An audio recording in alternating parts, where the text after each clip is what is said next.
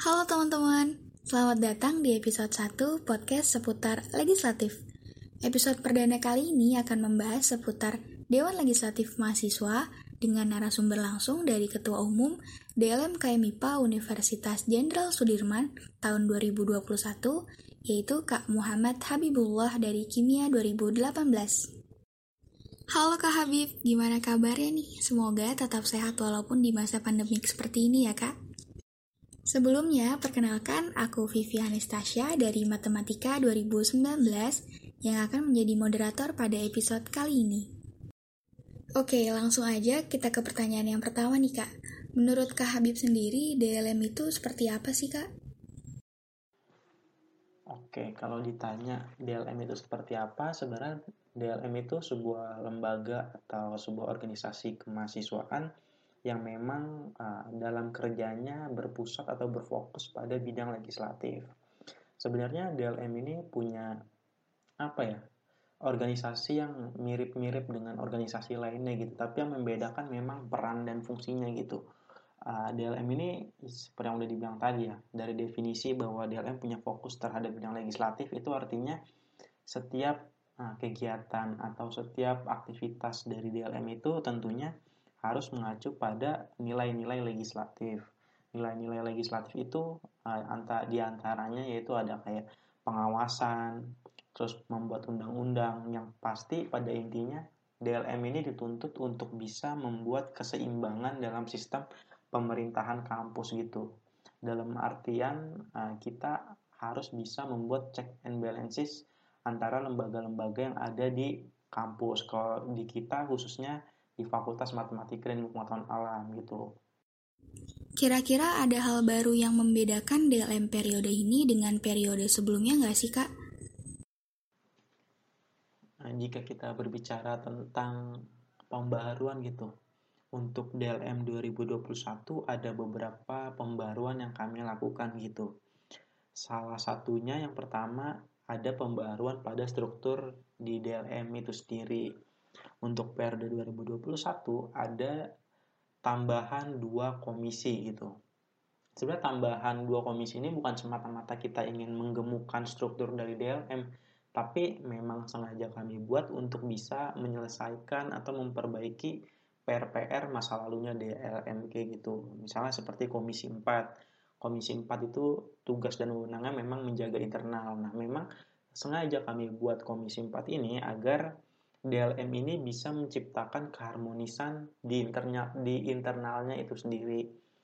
Ini juga salah satu masukan dari teman-teman DLM tahun lalu sih uh, uh, yang dirasa memang teman-teman DLM periode lalu apa ya karena tidak ada komisi 4 atau komisi yang menaungi terkait internal maka internalnya uh, kurang baik gitu maka dari itu uh, masalah tersebut atau PR tersebut jangan sampai terulang lagi di periode 2021 maka dari itu komisi 4 itu kita bentuk sebagai bentuk konkret kita untuk bisa mengharmoniskan internal DLM terus selanjutnya ada komisi khusus. Nah komisi khusus ini juga bukan semata-mata kita buat untuk ngebuat komisi khusus saja tapi memang komisi khusus dibuat dalam rangka untuk bisa uh, DLM memproduksi undang-undang. Harapannya gini sih harapannya dengan adanya komisi khusus DLM bisa lebih aktif ataupun produktif dalam men, apa ya, memproduksi undang-undang itu sendiri.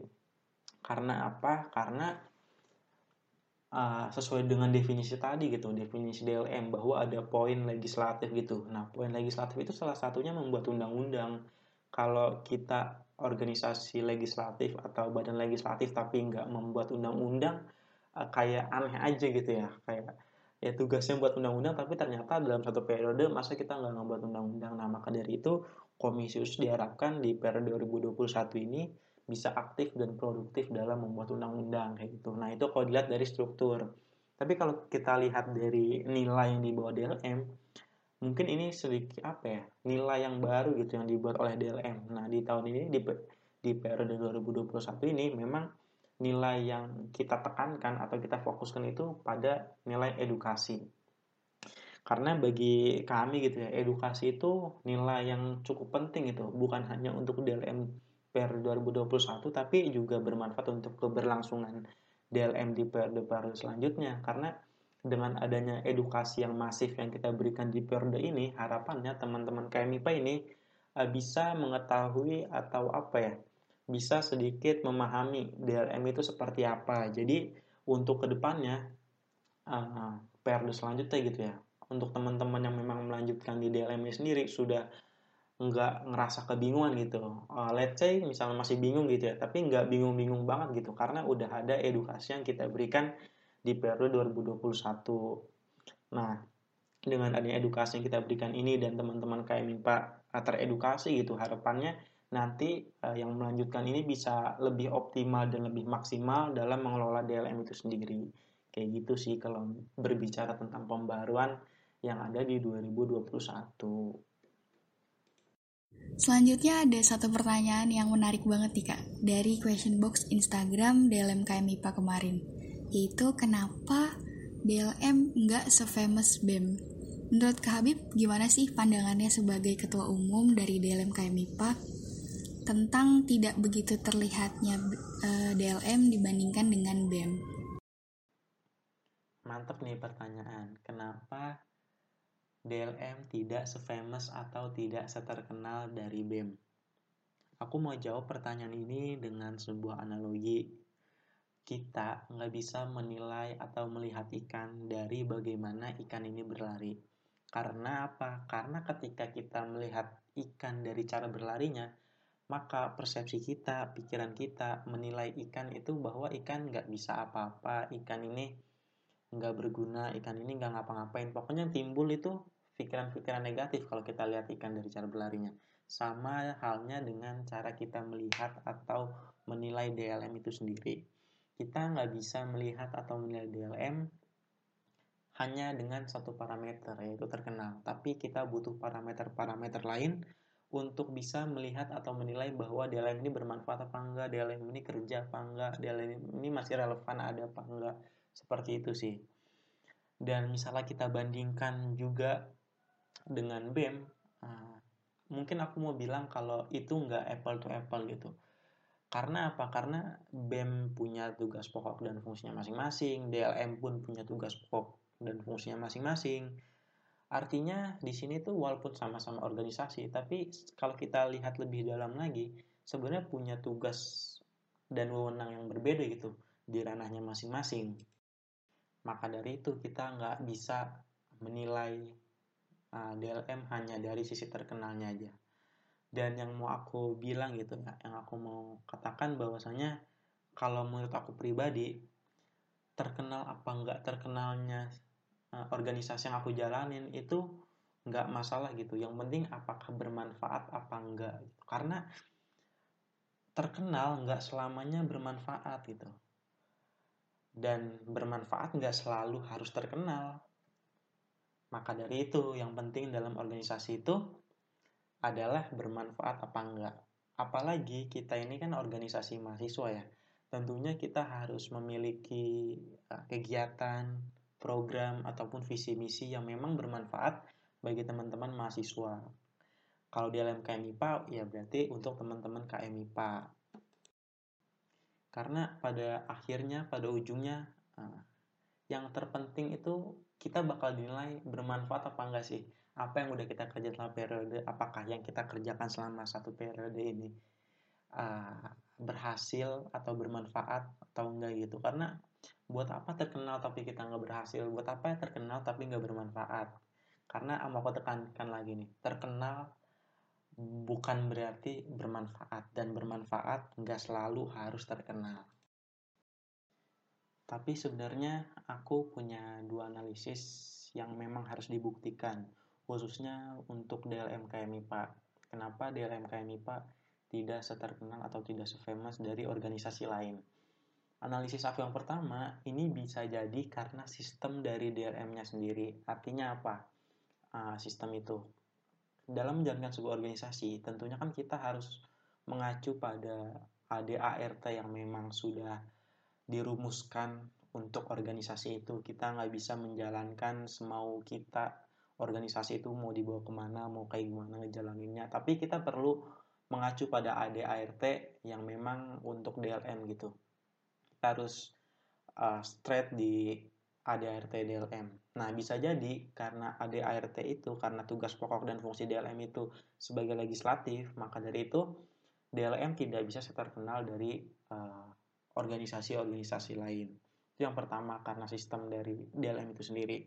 Yang kedua, atau memang dari tahun ke tahun orang yang berada di internal DLM ini tidak bisa membuat DLM seterkenal dari organisasi-organisasi lain atau uh, tidak bisa membranding bahwasanya DLM KM MIPA ini seperti ini sehingga bisa melihat atau uh, apa ya melihatkan kepada teman-teman mahasiswa yang lain bahwa DLM KM MIPA ada loh DLM KM MIPA ini terkenal loh. Karena kan selama ini DLM itu dilihat kayak nggak ada dan ya kurang lah kalau menurut penilaian teman-teman yang saya dengar gitu. Maka dari itu ada dua analisis yang perlu dibuktikan gitu. Setidaknya teman-teman DLM 2021 ini uh, bisa membuat apa ya uh, bisa membuktikan apakah DLM ini nggak terkenal karena sistemnya atau karena memang orang-orang di DLM maka dari itu uh, kita harus bisa ngebukti ini uh, DLM bisa terkenal loh uh, dengan sistem yang seperti ini dan DLM bisa terkenal loh dengan uh, teman-teman yang ada di internal kayak gitu sih kalau buat aku ya jawaban uh, kenapa DLM tidak se-famous atau tidak terkenal dari BM kayak gitu. Oke, selanjutnya nih Kak, dan mungkin akan menjadi yang terakhir di episode kali ini. Ada nggak sih pesan ataupun kesan yang ingin disampaikan dari Kak Habib untuk teman-teman pengurus DLM KMIPA tahun 2021? Oke, yang terakhir kesan dan pesan buat teman-teman DLM KMIPA 2021 ya mungkin ini bisa juga pesan untuk semua teman-teman yang ada di KMIPA. Aku pengen bilang bahwasanya uh, tolong hilangkan stigma negatif terhadap DLM. Stigmanya itu uh, seperti apa ya yang berkembang di KMIPA ini bahwasanya DLM di DLM ini nggak ngapa-ngapain, uh, di DLM ini gabut, di DLM ini buang-buang waktu. Nah ini khususnya buat teman-teman internal DLM nih. Tolong buang stigma negatif itu. Karena stigma atau mindset seperti itu bisa mengakibatkan kinerja teman-teman DLM sih jadi kurang produktif kalau stigma negatif seperti itu masih tertanam di pikiran teman-teman.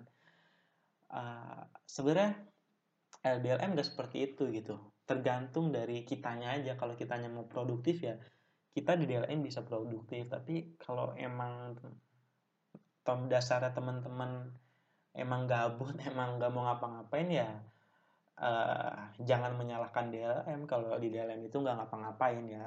Coba introspeksi sendiri bahwasanya uh, kira-kira kenapa ya saya gabut di DLM kira-kira kenapa ya saya kurang produktif di DLM nah itu mungkin bisa menjadi renungan teman-teman nah, direnungkan gitu biar bisa lebih produktif lagi ke depannya dan juga uh, buat teman-teman KMIPA yang mungkin di periode selanjutnya nanti Eh, bakal masuk DLM gitu tolong sebelum masuk DLM untuk membuang stigma negatif bahwasanya uh, eh, DLM itu gabut. Jadi cuma nyari apa ya nyari nama doang atau nyari posisi DLM yang memang gabut.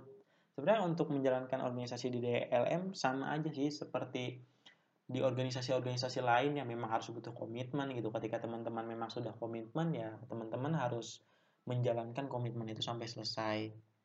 Nggak bisa uh, males-malesan atau nggak komitmen dengan komitmen sesuai di awal teman-teman kayak gitu sih.